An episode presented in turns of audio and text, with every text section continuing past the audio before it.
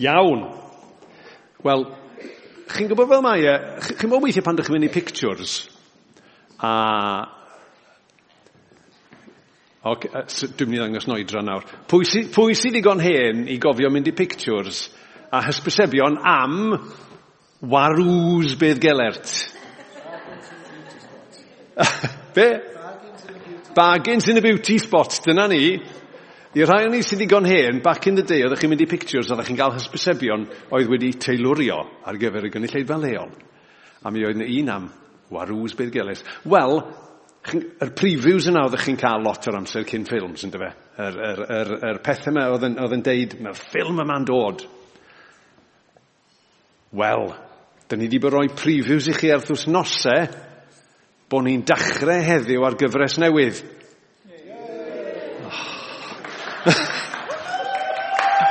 da iawn, da iawn, da iawn. Dyn ni'n dechrau edrych ar y salmau. A na i ddarllen um, darn o'r salm cynta uh, i ddechrau. Um, just fel cyflwyniad. Mae'n salm reitfyr, salm un. Mae'r un sy'n gwrthod gwrando ar go gyngor pobl ddrwg wedi ei fendithion fawr. Yr un sydd ddim yn cadw cwmni pechaduriaid nac yn eistedd gyda rhai sy'n gwneud dim byd ond dilorni pobl eraill. Yr un sydd wrth ei fodd yn gwneud beth mae'r arglwydd eisiau ac yn myfyrio ar y pethau mae'n ei dysgu ddydd a nos. Bydd fel coeden wedi ei phlannu wrth ffrydiau o ddŵr yn dwy'n ffrwyth yn ei thymor a'i dail byth yn gwywo. Beth bynnag mae'n wneud, bydd yn llwyddo, ond fydd hi ddim felly ar y rhai drwg byddan nhw fel is yn cael ei chwthu ffwrdd gan y gwynt. Fydd y rhai drwg ddim yn gallu gwrth sefyll y farn. Fydd pechaduriaid ddim yn cael sefyll gyda'r dyrfa o rai cyfiawn. Mae'r arglwydd yn gofalu am y rhai sy'n ei ddilyn, ond bydd y rhai drwg yn cael ei difa. So, dyn ni'n dechrau ar y gyfres Bydd yr enw'n dod i fyny, dwi'n meddwl, cyfarfod ac addoli Dyw ym mhob tymor o fywyd. So croeso i'r gyfres newydd. Mae'n cychwyn heddiw a fydd y gyfres yma mynd ymlaen nawr nes dyn ni'n cyrraedd tymor y grawys yn arwen i fyny at y pasg. A pan oedden ni yn trafod yn y tîm arwain, be oedden ni'n mynd i edrych arno fel cyfres, un o'r pethau oedden ni'n awyddus i wneud oedd cael cydbwysedd rhwng Testament Newydd a Hen Testament. Mae'n bwysig bod ni'n cadw'r cydbwysedd hynny. A dyn ni wedi bod yn weddol ddiweddar yn dofi, o'n i yn, yn edrych ar Elias, ond cyn hynny, a cyn, beth amser cyn hynny fi o'n i yn llyfr Jeremia. Ond oedden ni wedi bod lawer, lawer yn y Testament Newydd, a felly teimlad ewn i'r Hen Testament, ac fe ddath y syniad o edrych ar lyfr y salmau. A, a dyma ni, a nes i ddarllen uh, y salm gyntaf. Gyda llaw, rhag bod chi'n poeni, dydy ffaith bod fi wedi darllen salm un heddiw ddim yn golygu bod y gyfres yn mynd mlaen am 150 o siliau. Okay? So, pidwch y poeni ynglyn hynny. Um, ond, o'n i darllen y salm gyntaf, achos mae ma, ma, ma rhyw fath o osod y tôn Mae rhyw fath o gosod y tôn ar gyfer y llyfr ac roi rhyw faint o gyd-destun ar gyfer y llyfr. Um, dwi ddim yn deud na ddylen i ddarllen y salmau i gyd. Pam ddim? Chmo, mae'n ma, ddigon hawdd. Darllenwch salm 1, darllenwch salm 2, darllenwch salm 3. Newch un y dydd, heblaw falle am rhif 119, sydd efo 176 o adnodau yno fe. So, gewch chi spredio hwnna dros gyfnod o amser. Ond darllenwch y, y, y, y, y, y salmau i gyd. Nawr, llyfr y salmau, llyfr hira'r Beibl i ddechrau cychwyn, mae llyfr hira yn y Beibl ac fi gath ei sgwennu dros gannoedd o flynyddoedd gan nifer o bobl wahanol. Dyn ni'n dieddol o feddwl am Dafydd fel awdur lot ohonyn nhw, a Dafydd sydd wedi sgwennu nifer fawr iawn ohonyn nhw, ond roedd yna nifer o awduron eraill hefyd. Mae'n lyfr barddonol, mae'n llawn cerddi. Maen nhw'n bethau oedd yn cael eu canu, oedd nhw'n bethau oedd yn rhan o addoliad pobl Israel. Mae rhai pobl wedi, sgrif, wedi disgrifio llyfr y salmau fel llyfr ymynau Iesu Grist. Chos dyma be oedd e yn defnyddio pan fydde fe yn addoli. A mae'n cynnwys rhai arbennig iawn. O'n i wedi postio yn doeddwn um, ar, ar Facebook uh, bod y gyfres yn dachrau a y sylw cynta, rhywun yn dyfynu salm 23, a mae yna rai salmau dyn ni'n gyfarwydd iawn ohonyn nhw. Mae yna salmau hefyd oedd Iesu yn ei dyfynu. Nawr en, pan dyn ni'n edrych ar llyfr y salmau, dyn ni'n gallu rhannu efynnu mewn sawl ffordd gwahanol. Mae'n rhannu fyny o ran y sut maen nhw wedi cael ei gosod allan i bedwar llyfr bach. Mae yna Salm 1 i 41, Llyfr 1, Salm 42, 72, 73, 89 ac yn y blaen. A mae'n cael ei rhannu yn salmau gwahanol a mae'n yn sections gwahanol a mae'n ma y batrwm iddyn nhw. Ond dyn ni'n mynd ar ôl i themau nhw. A fydd y themau penawdau gyfer y themau ni, mae ar y sgrin nawr. Achos mae yna fathau gwahanol o salmau yn bod. A mae'r rhestr yna o'ch blaen chi, mae yna salme galar neu lament, fel sy'n cael ei ddeud yn Saesneg. Salme lle mae'r awdur yn troi at ddiw a maen nhw mewn rhyw anhawster. Neu maen nhw eisiau cwyno am rhywbeth sydd yn anheg yn y byd. Ac mae yna nifer uchel iawn o'r hynny. Mae yna rhai pobl yn dweud bod tua treian o'r salme yn salme galar felly. A mi fydd mewn chydig wythnosau fydd Mari yn yn harwain ni i edrych ar un o'r heini. Mae yna salme o fawl safle sydd jyst yn clodfori Dyw. Yn rhoi i Ddyw yr hyn y mae e'n ei heiddi, sef moliant. A fydda i'n edrych ar hyn o'r eina yn ystod y gyfres. Wedyn mae yna salmau o ddiolch, diolchgarwch mewn amgylchiadau gwahanol, yn moli Dyw, ond yn gwneud hynny o ganol profiadau gwahanol iawn mewn bywyd a fydd Hanna yn, yn harwen i drwy un o'r heina um, maes o law. Sil nesa, mi fydd Hanna yn sôn am un o'r salmau brenhinol a chyfamodol yma. Salmau sy'n pwysleisio natur y berthynas rhwng Dyw a'i bobl ar ôl allweddol y brenin. A wedyn mae yna salmau o ymddiriadaeth. Salmau lle mae'r awdur jyst yn dweud, arglwydd yw'n trystio ti. Salme sy'n yn annog ni i roi yn ffydd yn niw beth bynnag yw'r amgylchiadau a fydd gynnon ni Uh, fydd Nan Powell Davis yn ymweld â ni mewn chydig wythnosau i sôn am un o'r heini.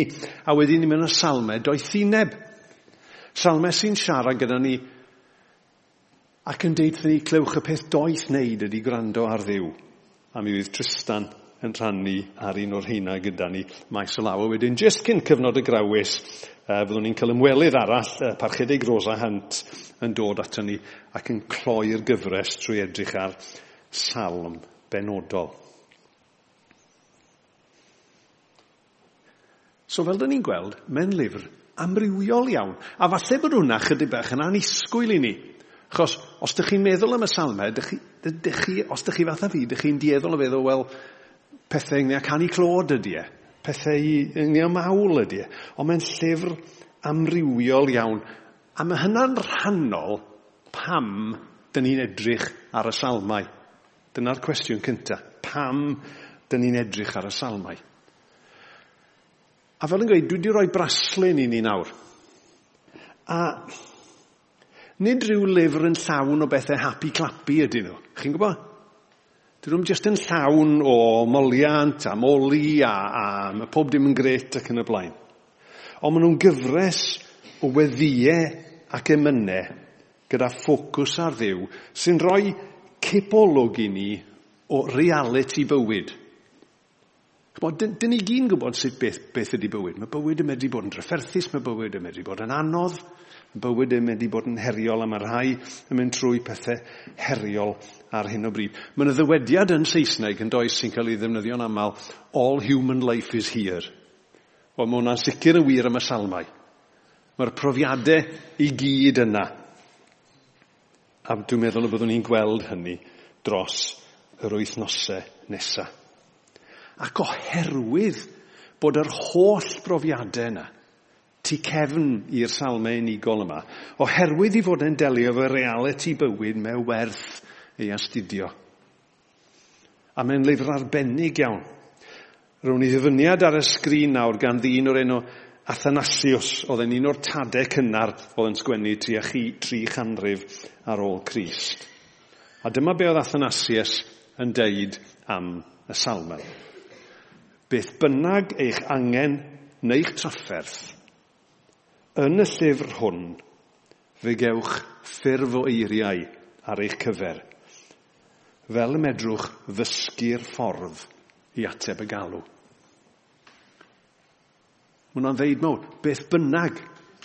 So lle bynnag dyn ni bore yma, mae yna ddoethineb a mae yna neges yng Ngair Dyw, yn llyfr y salmau, fydd yn medru'n dysgu ni y ffordd i ateb y galw. A'r ffordd i ateb y galw yw i ni droi at ddiw. A dod a holl brofiadau naturiol bywyd at ddiw a cyflwyno'n hunan iddo fe. Yn y ddyfyniad arall ar y sgrin yn mynd i ddod nawr gan y diweddar Tim Keller. Uh, mae hwn yn, yn Saesneg digwydd bod. The Psalms lead us to do what the psalmists do.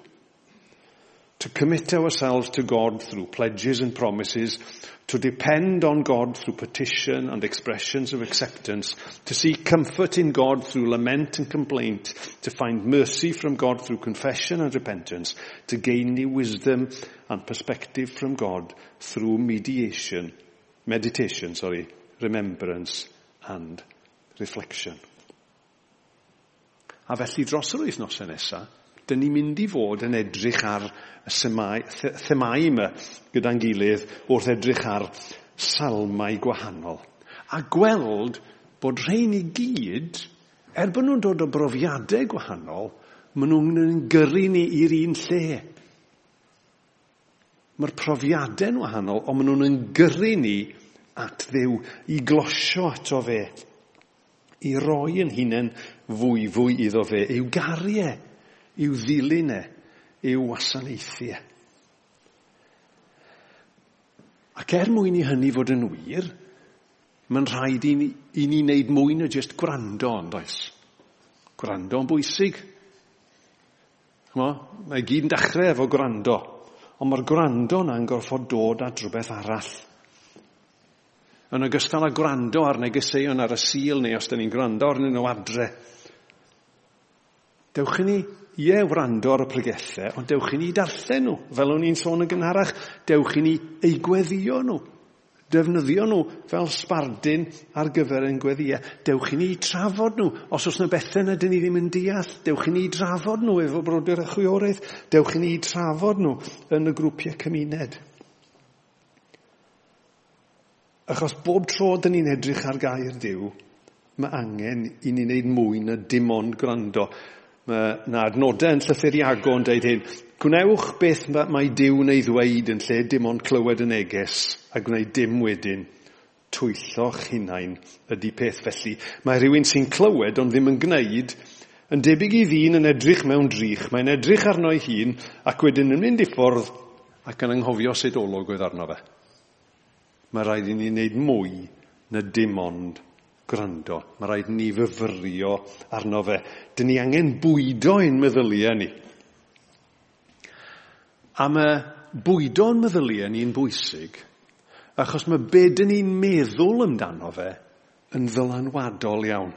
Mae myfyrio ar air diw, wirionedd gair diw yn bwysig, achos mae'r hyn dyn ni'n meddwl amdano fe yn effeithio popeth, mae'n effeithio ar ein bywydau cyfan.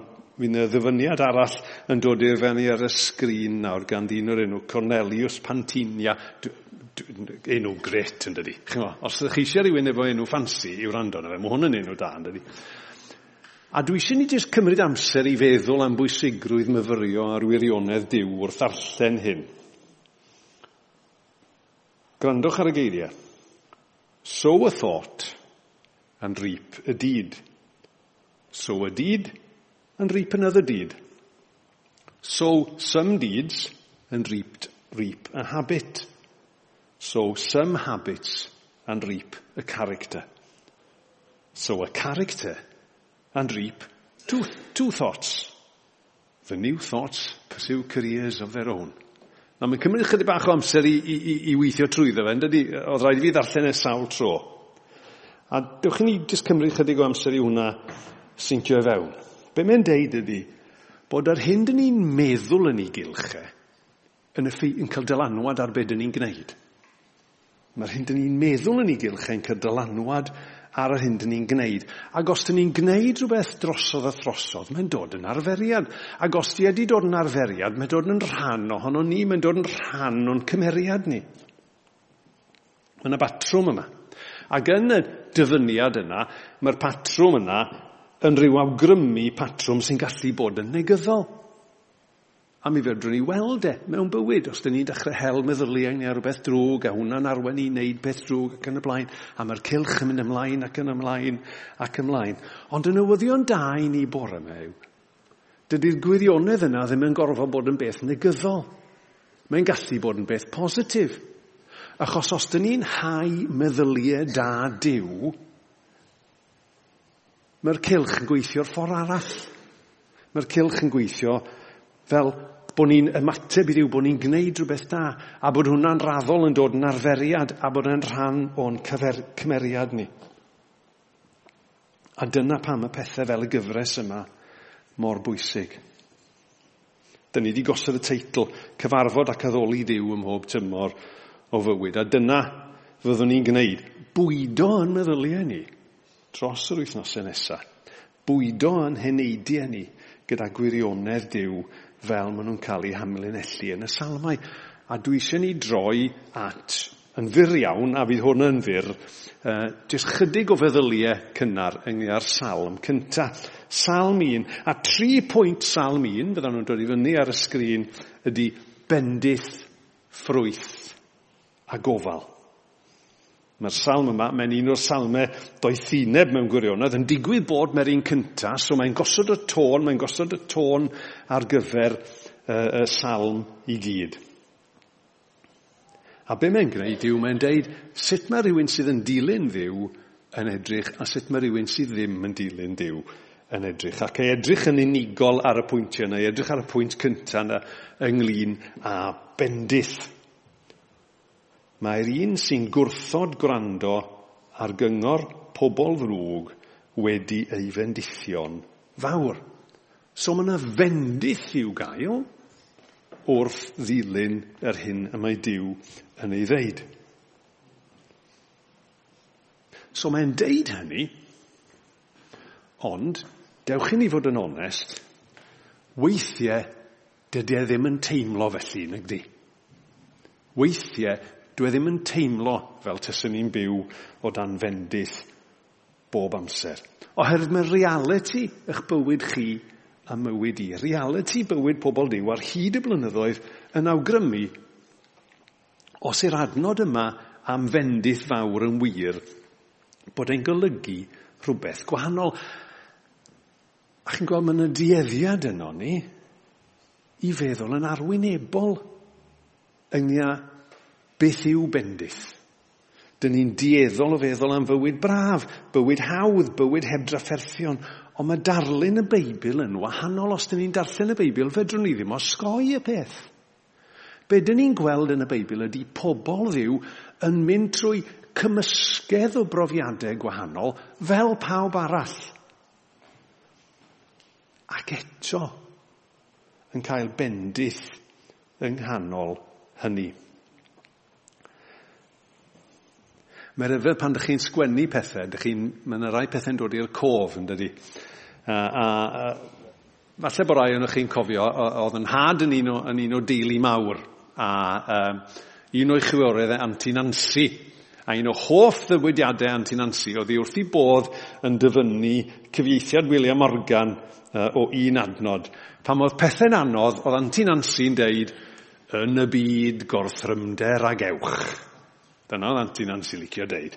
Yn y byd gorthrymder ag ewch. Ond oedd hi ddim, ymla, ddim yn mynd ymlaen i'r gweddill o'r adnod. Achos mae'r adnod yn deud, yn y byd gorthrymder ag ewch, eithir cymerwch gysur. Mae fi a'r chfygais y byd, ond oedd Antin Ansi beth yn cofio'r ail rhan. Ond mae wir, dyna batrwm bywyd. Mae yna orthrymder, mae yna anawsterau, mae yna bethau anodd. Ond llwn ni gymryd cysur. Achos mae Iesu wedi gorchfygu y byd. A mae'n yna fendydd ar gael yn Effesiaid 1, adnod 3, mae'n rhoi blas i ni. Mae'n deud, clod i ddiw a thad ein harglwydd Iesu Grist, mae wedi tywallt pob bendith ysbrydol sy'n y byd nefol arno ni sy'n perthyn i'r Mesoea. Ac yn yr adnodau sy'n dilyn yr adnod hynny, mae'n rhoi rhyw awgrym i ni o be mae'r fendith yna'n edrych fel. Rhan o'r fendith yw fod e wedi'n dewis ni. Rhan o'r fendith yw ei fod e wedi'n mabwysiadu ni a'i fod e'n delio efo ni yn ôl ei ras a'i fod e'n rhoi Iesu i ni yn rhodd. A mae'r rheina i gyd ar gael i'r rhai, fel mae'r adnod yn deud, sy'n gwrthod gwrando ar gyngor pobl ddrwg. Mae yna fendith ar gael a fyddwn ni nôl at rhywbeth tebyg iawn i hynny uh, uh, mewn munud. Ond dewch i ni symud ymlaen at yr ail bwynt, sef ffrwyth. Be mae'r adnod yn deud? Bydd fel coeden wedi ei phlannu wrth ffrydiau o ddŵr yn dwy'n ffrwyth yn ei thymor. Mae hwnna'n mynd â fi nôl mewn gwirionedd at bwynt nes i, dwi'n meddwl, syl diwetha, pan o'n i'n sôn am chydig o adnodau um, pan oedd Paul yn sgwennu at Timotheus, a oedd e'n deud ein bod ni wedi ein galw a galwedigaeth sanctaidd. A ydych chi'n gofio mae'r pwynt yn fyna oedd, pan dyn ni'n dod at Iesu, pan dyn ni'n cael yn galw at ddiw, dwi e ddim jyst yn, dyn ni di'n galw a dyna ni, mae yna rhywbeth i'w wneud. Mae yna fywyd i'w fyw wedyn ni. A mae hyn yn mynd â ni nôl A deud y gwir, reit i ddechrau hanes i fwriad gwreiddiol Dyw yn yn creu ni. Achos yn Genesis, dyn ni'n darllen y geiriau hyn.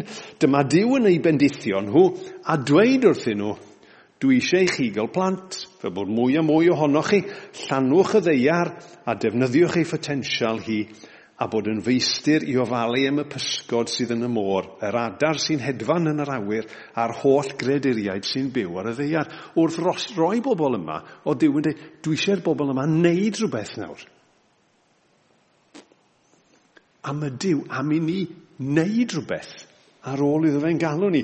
Mae'n yn galw ni i ddwy'n ffrwyth. A dyn ni'n gwybod bod y ffrwyth mae'r Testament Newydd yn sôn amdano fe yn rhai arbennig iawn. Mae'r adnodau enwog yna yn y Galatiaid yn, adnod, yn penod 5 yn deud, dyma'r ffrwyth mae'r ysbryd glân yn ei dyfu yn ein bywydau ni. Cariad, llawenydd, heddwch dofn, amynedd, caredigrwydd, daioni, ffyrlondeb, addfwynder a hunan reolaeth. Ac os ydych chi fatha fi, fel o'n i'n darllen y geiriau yna, yn ymhenni, o'n i'n mynd e, e, ar gyfer y rhai sydd ddim chymo, y rhai dwi'n ddiffygiol yna fe. Ond mae'n darlunio darlun hyfryd. Dyma'r pethau mae Dyw eisiau tyfu yn ein bywydau ni. A pwy ohono ni fydde ddim eisiau hynny yn ein bywydau ni. A mae'r salm yn deitha ni bod yna ffrwyth i gael i'r sawl sydd yn dilyn Iesu ac mae'r mae darlun yn un hyfryd yn dydy. Chwa, mae fel coeden hardd wrth lan afon yr goeden yma yn cael ei faith o'r afon, yn dwy'n ffrwyth fel y mae ei fod. A dwi licio ffordd mae'n deud e, yn dwy'n ffrwyth yn ei dymor. So chi sylwi ar y geiriau yna, yn dwy'n ffrwyth yn ei dymor. A mae hynny'n fendigedig achos mae'n pwysleisio dau beth. Yn gyntaf, mae'n pwysleisio mae dyna di'r holl bwynt y goeden – Holl bwynt y goeden ydy dwy'n ffrwyth, a'n holl bwynt ni, os dyn ni'n bobl i ddiw, ydy bod ni yn dwy'n ffrwyth. Ac yn ail, mae'r ffrwythau'n dod yn ei tymor. A weithiau, mae'n dda bod ni yn galaru weithiau am arafwch gwaith, be dyn ni'n gweld o waith diw yn ei bywydau ni, bod ni chydig bach yn rwystredig, bod diw ddim yn y newid ni'n ddigon. Ond be mae'n deud fan hyn yw bod ffrwyth Dyw yn tyfu yn ei tymor. A bod Dyw angen yn dysgu ni a bod y pethau yn dod ar yr amser iawn yn unol a'i fwriad. Mater iddo fe ydy sut mae'r ffrwyth yn tyfu. Mater i ni yw bod yn gwreiddiau ni'n yn lle iawn.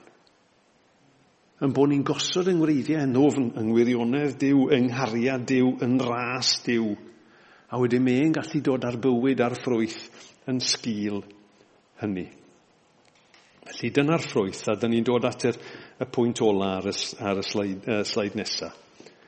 Beth arall sy'n dod ydy gofal. Mae'r arglwydd yn gofalu am yr hau sy'n ei ddilyn. Nawr, unwaith eto, fel gyda'r pwynt cynta am fendith, mae modd darllen yr adnod yma, chydig bach yn arwynebol, a meddwl, mae'r hyn mae hwn yn ei alw, yw, y ddweud yw, bod, bod Dyw yn gofalu a, a fydd dim byd yn wrong. Fyddwn ni ddim yn cael unrhyw anawsterau a fydd pob dim yn iawn. Wel, cred arwynebol iawn ydy hynny, rhyw grefydd tylwyth teg ydy hynny mewn gwirionedd, a dydy ddim yn adlewyrchu bywyd go iawn. Dyn ni'n byw mewn byd sydd wedi torri. Dyn ni'n byw mewn byd sydd wedi syrthio, lle mae pethau anodd yn dod ar ein traws ni. A un o'n fendithion mawr y bywyd cysnogol yw bod ni wrth fyw mewn cymdeithas gyda phobl eraill yn cael y fraint, a mae e'n fraint, o weld Dyw yn cynnal pobl drwy bethau anodd. Dyw yn cynnal i bobl ac yn gofalu am ei bobl trwy bethau anodd. O'n i sylwi un o'r pethau ola na thris roi ar Facebook um, cyndolig, dwi'n meddwl, oedd, uh, oedd yn newydd wneud angladd tegwedd yn doedd. Chyma? Ac ar Facebook oedd e'n deud, chymod, yng agweddau gwahanol gwaith gweinidog ac yn y blaen. A mae un o'r pethau mwyaf bendithiol oedd gofalu a a delio fo pobl pan maen nhw'n dioddau. A yn ei post ar Facebook, nath ei ddeud y geiriau hyn, mewn gair, mae ffydd yn Iesu Grist yn rhywbeth ar gyfer pob tymor o fywyd. Y llon a'r llef, y braf a'r anodd. Nes i sôn am, am Anti Nancy yn gynharach, oedd, un o'ch, oedd yn had ni'n o ddeg, so teulu mawr, nes i sôn am Anti Nancy, a, a un o'i hoff dywediadau hi. Un o hoff dywediadau fy nhad oedd y, y, y, y dywediad heb ddiw, heb ddim, a diw, a digon. A mae'n debyg bod e'n arfbais, mae ar arfbais rai hen uh, deuluoedd Cymreig. Mae'n ddeud mawr a pwysig. Os ti pob dim yn mynd yn dda yn herme'r byd, os ti pob dim yn edrych yn braf yn arwynebol, os dyn ni heb ddiw, dyn ni heb ddim. Ond sut bynnag mae arno ni, pa mor anodd bynnag mae arno ni, Gynno ni bobl yn ymplith ni sy'n mynd trwy bethau anodd, anodd nawr. Pa amgylchiadau bynnag sydd ydyn ni'n byw trwyddyn nhw nawr, os yw diw gyda ni, mae hynny yn ddigon. A dyna sut mae'n gofalu hyn arno ni. Achos yn y gofal real hynny, nid gofal mewn rhyw fyd tylwyth teg lle mae pob dim yn iawn. Os di'r gofal real hynny yng nghanol profiadau anodd bywyd, dyna lle mae gofal diw a dyna lle mae yna fendith i'w gael. So i grynhoi am y gyfres, fel yn gweud oedd gynnon ni'r penawd yma'n doedd, cyfarfod ac addoli diw ym mhob tymor o fywyd. A dyna be mae'r salm gyntaf yma yn yn dysgu ni i wneud. A dy gobeithio wrth edrych ar y themau gwahanol dros yr wythnosau nesaf, bod modd i ni gyfarfod ac addoli diw. Ym mhob tymor, sut bynnag mae hi arno ni, a bod hynny'n dangos y fendith, y ffrwyth a'r gofal sydd ar gael i ni gan yr arglwydd. A bore yma, mewn munud, fyddwn ni'n troi at fwrdd y cymyn a dyn ni'n dod at yr arwydd yma o un o'r ffyrdd y mae'n dod â bendith i'n plith ni. A be mae'r fendith a'r gofal dyn ni'n ei brofi wedi costio iddo fe? Fe gostiodd ei fywyd e, ynddo? Dyn ni troi at fwrdd y cymyn i weld hynny. Ond dewch i ni ddefnyddio'r gyfres yma fel sbardyn i ni gomeddwl sut bynnag mae arno ni, lle bynnag ydy ni, beth bynnag dyn ni'n mynd trwyddo fe, i ni ddefnyddio llyfr y salmau i'n dod â ni at y tad, i glosio ato fe yn ein holl anghenion a'n holl bryderon. A'n holl obeithion hefyd. bod ni'n gallu dod â pob profiad da a drwg, pob gobaith, pob ofn, pob sefyllfa at ddiw. Dewch i ni weddio. O ddiwy'n tad, ni'n diolch i ti am y ffordd rwy ti'n darparu ar ein cyfer ni. Y ffordd rwy ti arglwydd yn yn bendithio ni drwy roi dy hunan i ni. Ac arglwydd, ni'n gweddio nawr yn y gyfres yma ac wrth i ni ddarllen salme a meddwl am salme a gweddio salme yn ein cartrefi dros yr wythnosau nesaf. Y byddi di o dad yn gweithio yno ni. Y byddi di'n yn helpu ni i glosio ata ti. Helpa ni i wrando. Helpa ni i ddysgu. Helpa ni i ymateb yn enw Iesu. Amen.